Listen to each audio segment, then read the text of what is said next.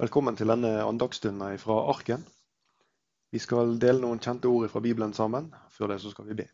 Herre Jesus, vi ber om din velsignelse over disse minuttene vi nå skal ha sammen over ordet ditt. Vi ber om at du skal hjelpe oss til forståelse, Herre. Åpenbar du ordet for oss, slik at vi bedre kan forstå rekkevidden av det som du har gjort for oss. Vi ber om eh, ro, Herre, over sjelslivet, og vi ber, Herre, om at du skal berøre våre hjerter gjennom disse ordene som handler om din kjærlighet. Amen. Vi skal lese et uh, bibelvers sammen. Kanskje et av de mest kjente bibelversene som vi siterer, og vi leser sammen fra Johannes kapittel 3 og vers 16. For så har Gud elsket verden, at han gav sin sønn den enbårne, for at hver den som tror på ham, ikke skal fortapes, men ha evig liv. Dette er den enkle sannhet.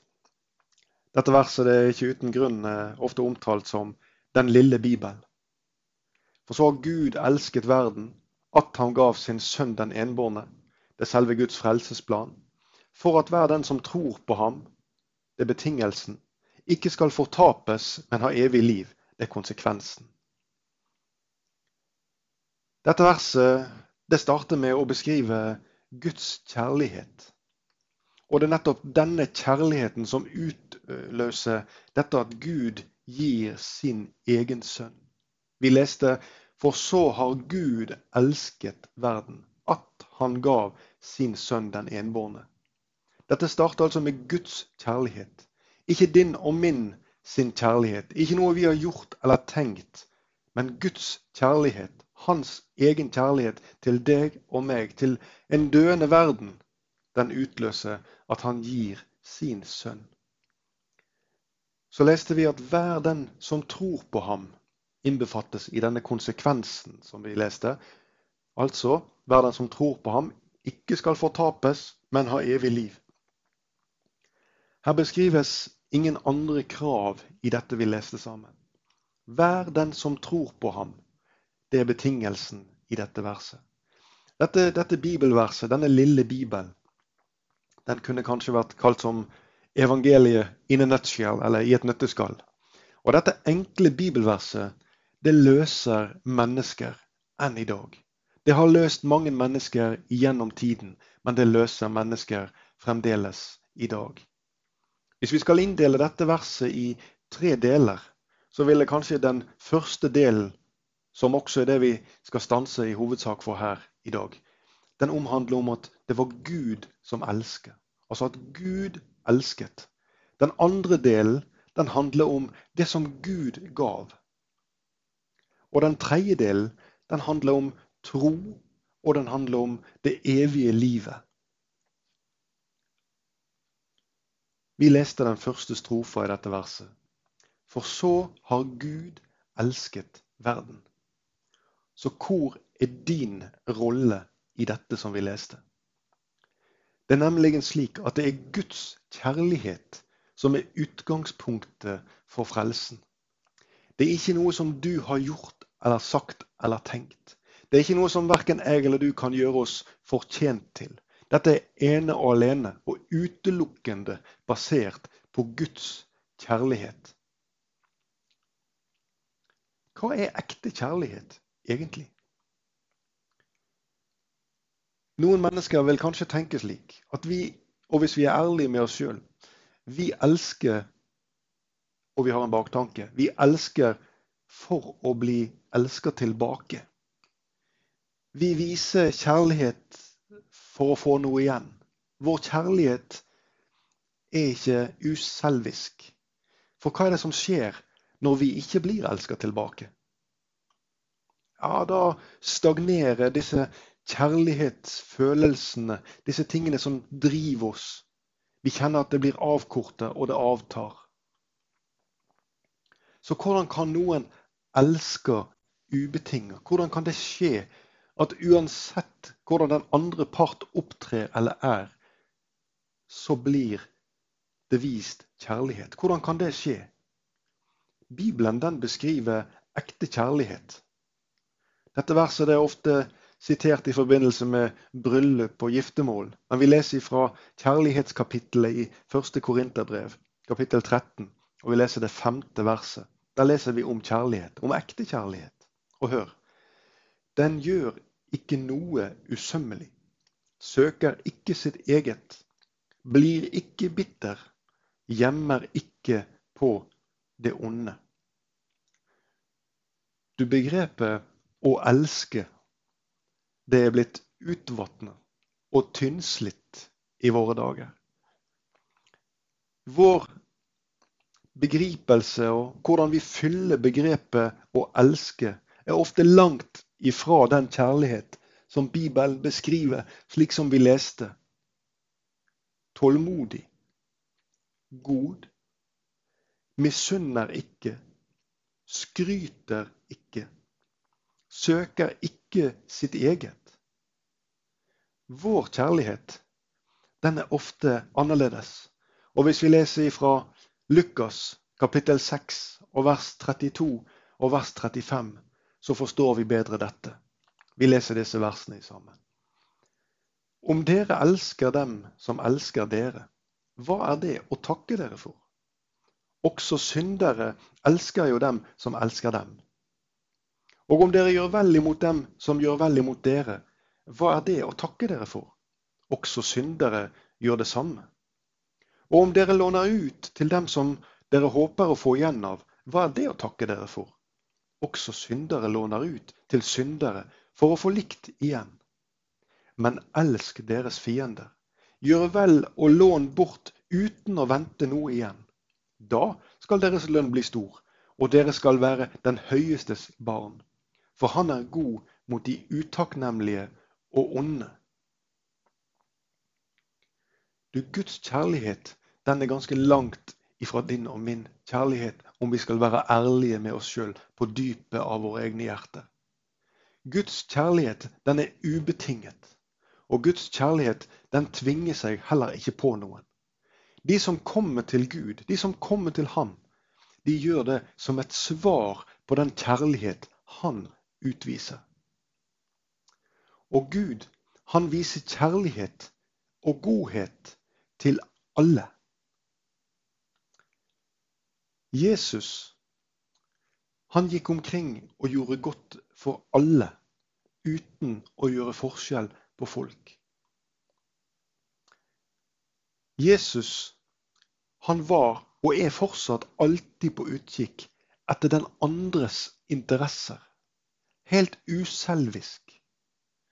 Vi leser ett av flere utsagn som beskriver Jesu omsorg for de menneskene som han møter. Og vi leser når han møter den blinde i Lukas 18 vers 41. Og Jesus stiller dette spørsmålet. Hva vil du jeg skal gjøre for deg? Dette er Jesus. Han som er mesternes mester, utsendt fra Guds evige himmel. Det er han som kommer til denne verden til skapningen som har forbrutt seg mot Guds bud og forordninger. Og som kommer å stille dette spørsmålet til en syndig mann. Hva vil du jeg skal gjøre for deg? Du, hvem er det som setter seg for å vaske disiplenes føtter ved påskemåltidet, det siste påskemåltidet før Jesu død? Er det tjeneren? Nei.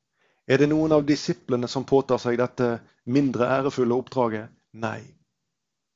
I Johannes 13 så kan du lese om hvordan dette går til. Det er Jesus, mesteren selv, som setter seg ned for å betjene sine disipler og vaske deres føtter. Han tok på seg en tjeners skikkelse, leser vi. Dette kan du også lese om i Filipperbrevet kapittel 2 og vers 7. Om at Jesus han tar på seg en tjeners skikkelse i det han betjener menneskene. I Romerbrevet kapittel 5 og vers 8 der leser vi dette verset. Men Gud viser sin kjærlighet til oss ved at Kristus døde for oss mens vi ennå var syndere. Det var altså ikke slik at Gud viser sin kjærlighet til oss fordi at vi gjorde så godt som vi kunne. Nei, han viser sin kjærlighet til oss på tross av at vi gjorde alt som er galt. Vi leser her Gud viser sin kjærlighet til oss ved at Kristus døde for oss mens vi ennå var syndere. Du, Det som skjer når mennesket har synda imot Gud etter at syndefallet er et faktum, etter at mennesker har spist av den forbudte frukten i hagen og forbrutt seg mot dette eneste bud som Gud hadde gitt dem. Hva er det som skjer da? Jo, det er en Gud som kler mennesket etter syndefallet. Og det gjør han ved å ofre av sin egen skapning for å kle mennesket. Når det gjelder syndefallets arv, skapningen etter Adam, så kan vi lese om dette i første Mosebok kapittel 5 og vers 3. Da leser vi da Adam var 130 år gammel, fikk han en sønn i sin lignelse, etter sitt bilde. Han kalte ham Sett. Dette er en kontrast i forhold til skapningen av Adam. Når vi leser i skapningen av Gud sier 'la oss gjøre mennesket i vårt bilde', da finner vi treenigheten i tidlig bibeltekst. La oss gjøre mennesket i vårt bilde. Og Gud skapte mennesket i sitt bilde. Men når Adam var 130 år gammel, leste vi, så fikk han en sønn i sin lignelse. Etter syndefallet. Etter sitt bilde. Og han kalte ham Sett. Jeg har lyst til å ta deg med inn i noe av Bibelens nøyaktighet. Jeg har lyst til at du skal få ta del i noe av det som er med å understreke Guds nøyaktighet igjennom det han har latt skrive til oss. Og hvordan denne, disse enkle ordene i gammel bibeltekst er med å beskrive Guds plan gjennom tidene for en menneskehet som han har elsket. Du er Fra Adam til Noah så er det ti slektsledd. Og allerede gjennom disse ti slektsleddene, disse navnene, så forteller Gud om sin kjærlighet og sin frelsesplan. Disse slektsleddene fra Adam til Noah de er som følger. Og jeg leser disse navnene til deg. Adam, Sett, Enosh, Kenan, Mahalalel, Jared, Enok, Metushala, Lamek og Noah. Disse Referansene til disse navnene det finner du i første Mosebok kapittel 5. Men disse slektstavlene som vi finner i Det gamle testamentet, de har et langt dypere budskap enn det som møter øyet i første omgang. Adam det betyr menneske. Sett, altså Adams sønn, betyr satt eller tildelt. Enosh, det betyr dødelig eller syk eller fortvilet. Kenan, som er det neste slektsleddet, betyr sorg eller eier. Og Mahalalel betyr den hellige eller den velsignede Gud. Jared betyr regjerende eller skal komme ned.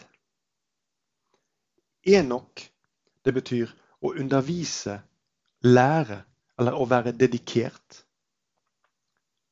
Metushala betyr hans død skal frembringe, eller som krever hans død.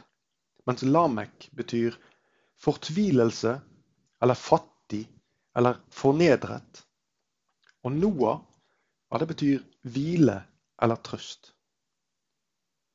Vi setter sammen betydningen av disse ti første slektsleddene. Betydningen av disse navnene på disse ti slektsleddene. Og så finner vi hvordan det beskriver Guds plan, frelsesplan, gjennom tidene. Vi husker at Adam betydde menneske, og vi leser ifra dette navnet. Menneske er altså også tildelt død eller sykdom, fortvilelse, og å eie sorg. Ja, Det var ledd 1-4. Vi kjenner oss igjen. Den hellige eller velsignede Gud som regjerer, skal komme ned. Ja, det er ledd 5-6. Han skal undervise eller lære å være dedikert, altså tilegne oppdraget. Det var ledd 7. Som krever hans død til fortvilelsen eller fattigdoms eller fornedrelses trøst. Du, det var ledd 8 til 10. Du, dette er Guds frelsesplan. Gjennom disse navnene i denne enkle slektstavla. Dette er beskrivelsen av Jesus. Det er ytterligere ti slektsledd hvis vi går fra Noah og frem til Abraham. Sem, det betyr navn eller berømt. Arpaksjad betyr helbreder eller forløser. Og sjela, det betyr ende eller pause. Eber, som er det neste navnet, betyr stå over eller vrede. Og Peleg, som er det neste slektsleddet, betyr divisjon eller dele eller skille. Og Reu, som er det neste navnet, betyr sine venner eller sin flokk. Serug, som er det neste navnet igjen, betyr grein eller lag eller festet til. Og nakor, det betyr hes eller tørr eller varm, slik som i ørkenen. Tara, det betyr et hår eller ubetydelig eller en stakkar, altså en forvist. Og Abraham betyr far til en stor skare. Vi setter sammen betydningen av disse navnene òg. Og vi finner det slik at navnet ja, det er navnet Jesus vi snakker om, navnet skal helbrede eller forløse og gjøre ende på vreden. Ja, det var ledd 1-4. Å skille ut sin flokk til en gren som er festa til seg, ja, det er ledd 5-8 ifra ørken, stakkarslig og forvist eller ubetydelig, hør, gjør Gud en far til en stor skare. Det var ledd 8 10. Det er Guds frelsesplan og navnet vi leser om her. Navnet skal helbrede. Vi har lest om hvordan Gud skal komme ned. Hvordan han skal undervise. Og vi leser nå om hvordan navnet skal helbrede, forløse og gjøre ende på vreden. Du, dette er Guds frelsesplan. Og vi minnes når det gjelder navnet, engelens ord til Maria i Lukas 1,31. Og du skal gi ham navnet Jesus. Vi finner gjennom disse ordene vi leser i de første bøkene i Bibelen, omtalelsen av, av hvordan Gud utvelger Israel. Vi leser om hvordan Gud oppretter pakten med Abraham. Og Guds ord, min venn, det oppfylles helt nøyaktig. Til den siste tøddel. Vi leser fra første Mosebok, og vi leser kapittel 15, og vi skal lese vers 5-6. Dette er når Gud taler til Abraham. Han førte ham utenfor og sa, Se nå opp mot himmelen og tell stjernene, hvis du er i stand til å telle dem. Og han sa til ham, Slik skal din ett bli. Og Abraham trodde på Herren, og han regnet ham det til rettferdighet. Det Gud han utvelger seg et folk som skal bære budskapet om sin, altså om Guds eksistens, om hans tilgivelse, om hans omsorg og om hans kjærlighet. Vi leser 5. Mosebok, og vi leser noen vers fra kapittel 7, og vi skal lese vers 6 til 9. 5. Mosebok 7, 6-9. For Herren, unnskyld, for et hellig folk er du for Herren din Gud. Deg har Herren din Gud utvalgt av alle folk på jorden til å være hans eiendomsfolk. Ikke fordi dere var større enn alle andre folk, fant Herren behag i dere, så han utvalgte dere, for dere er det minste av alle folkene. Men fordi Herren elsket dere og fordi han ville holde den eden han hadde sverget deres fedre. Derfor førte Herren dere ut med sterk hånd og fridde deg ut av trellehuset fra faraos, egypterkongens hånd. Så skal du vite at Herren din Gud, han er Gud, den trofaste Gud, som holder sin pakt og bevarer sin miskunn gjennom tusen ledd mot dem som elsker ham og holder hans bud. Gud utvalgte Israel. Og han utvalgte menneskeslekten gjennom Abraham. Vi skal lese litt om dette. I Jesaja 41, vers 8-9, så leser vi Og du Israel, min tjener, Jakob som jeg utvalgte, etling av min venn Abraham. Jeg tok deg ved hånden og hentet deg fra jordens ender. og kalte deg fra dens ytterste kanter, og jeg sa til deg, du er min tjener. Jeg har utvalgt deg og ikke forkastet deg. Du, Israel er Guds utvalgte folk og er et bilde på menigheten. Menigheten den har del i den velsignelsen som ligger hos Abraham, som Gud sa til Abraham at han skulle få. Vi leser om vår del i dette i første Mosebok 12 og vers 3. Når Gud taler til Abraham, så sier han disse ordene.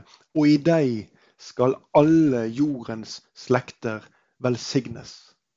Du, når vi leser om Paulus' misjonsoppdrag, så leser vi om en, en dedikert og engasjert skriftlærd som vender seg bort ifra den gamle pakts forordninger og inn mot evangeliet og som forkynner evangeliet til hedningefolkene.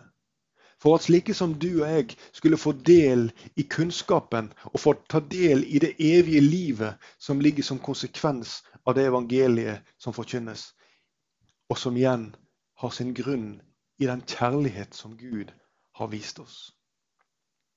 Du, Guds frelsesplan den fullendes gjennom en syndig slekt som er utvalgt av Gud i kjærlighet. Vi sa at det var 20 slektsnavn fra Adam og til Abraham. og Disse har vi nevnt og beskrevet betydningen av. Så er det altså 14 slektsledd fra Abraham til David. Og 28 slektsledd igjen fra David til Jesus. Vi leser enkelt Matteus 1,17 som beskriver dette. Slik er det i alt 14 slektsledd fra Abraham til David, 14 ledd fra David til bortførelsen til Babylon, og 14 ledd fra bortførelsen til Babylon inntil Messias. Gud utvalgte oss, og Gud han gav oss del i sin frelsesplan. En plan som Gud hadde lagt før denne verden ble skapt. Det var ikke slik at Gud lagde en reserveløsning, en plan som måtte løse noe som han ikke hadde forutsett at mennesket kom til å falle i synd. Du vil lese sammen Efeserbrevet kapittel 1 og vers 4. For i ham har han utvalgt oss før verdens grunnvoll ble lagt, for at vi skulle være hellige og ulastelige for hans åsyn. Du ser det er ingen overraskelse for Gud at mennesket falt i synd. Så er det ei heller noen overraskelse for Gud at du faller i synd, at jeg gjør gale ting. Gud visste om alt dette. Men i ham, i Jesus, så har han utvalgt oss, deg og meg, før verdens grunnvoll ble lagt, for at vi skulle være hellige og ulastelige for hans åsyn. I en kjent sang som vi synger sammen i møter rundt forbi, så synger vi denne strofa. Du visste alt om meg før du meg kaller, og ga meg plass ved nådens rike bord. Gud kjenner deg, og Gud kjenner meg. Og Gud kjente oss før han kaller oss inn til frelse. Gud visste alt om oss. Og det er ikke pga. våre forsøk på velgjerninger at han elsker oss. Det er til tross for alle ting. I 1. Johannes kapittel 4 og vers 10 så leser vi i dette er kjærligheten. Ikke at vi har elsket Gud, men at Han har elsket oss og sendt sin sønn til soning for våre synder. Du vil oppsummere for deg noen av de tingene vi har delt i sammen gjennom disse minuttene. Gud visste om syndefallet før skapelsen. Gud visste hvordan det kom til å gå med denne skapningen som han skapte i sitt bilde som det står så vakkert beskrevet, og Gud blåste livets ånde i hans nese. Gud gav han det evige livet, et evighetsperspektiv over menneskeheten, den eneste skapningen som han skapte i sitt bilde. Og han visste om syndefallet. Og Gud, han er den som kler mennesket etter fallet. Han er den som gir mennesket det det trenger, til tross for det det har gjort. Gud han iverksetter sin frelsesplan gjennom denne syndige slekten. Og vi har vært igjennom noen av disse navnene som vi kan finne i slektstavlene, som så vakkert beskriver hvordan Gud hadde tenkt dette. Gud han sender sin sønn til denne verden som det endelige offer for all synd som er begått, og som kommer til å bli begått inntil tidenes ende. Og Gud, han tilgir alle. Og han tilgir alle slags synder i Jesus. Kjære venn, du som tenker at du har gjort og sagt eller tenkt noe som faller utenfor den nåden som evangeliet taler om. Gud tilgir alle alle mennesker og alle slags synder som mennesker har gjort i Jesus Kristus. Vi leste betingelsen for det evige livet. Og vi siterer på nytt dette verset som vi begynte med, Johannes 3, 16. For så har Gud elsket verden, at han gav sin sønn, den enbårne, for at hver den som tror på ham, ikke skal fortapes, men ha evig liv. Helt til avslutning så vil jeg sitere for deg det tredje og det siste verset av en kjent hymne, en kjent salme, som ble skrevet av den tyskfødte pastoren og sangforfatteren Fredrik Martin Lehmann i 1917. Denne salmen, som på, kanskje er mest kjent på engelsk, som kalles for 'The Love of God', den ble oversatt til norsk av Trygve Bjerkheim i 1951. Og vi kjenner den som Guds kjærlighet. Dette tredje verset i denne salmen det omhandler hvor grenseløs Guds kjærlighet er. Og hvor begrensa vi er til å beskrive denne endeløse kjærligheten som Han har vist oss. Og jeg leser dette siste tredje verset for deg. Om alle hav med blekk ble fylte, var himmelens hvelv av pergament, og var en penn hvert strå på jorden hver mann med skrivekunsten kjent. Å skildre rett Guds kjærlighet vil tømme alle hav, og himmelens hvelv fra bryn til bryn ei plass til Skriften gav. For så høyt har Gud elsket verden, at Han gav sin sønn den enbårne, for at hver den som tror på ham, ikke skal fortapes, men ha evig liv. La oss be. Herre Jesus, må disse ordene, Herre, som du har gitt oss i dette enkle skriftsted, la det bli til fortrøstning, Herre, at det var du som elsker, og at du frir mennesker ifra all mulig synd ved tro på deg, Herre, alene. Herre, jeg ber, la din kjærlighet bli åpenbart for oss i våre hjerter, så vi bedre og bedre kan glede oss over det som du har gjort for oss, det du har vist oss. Takk, Herre Jesus, for ditt endelige offer for vår synd. Amen.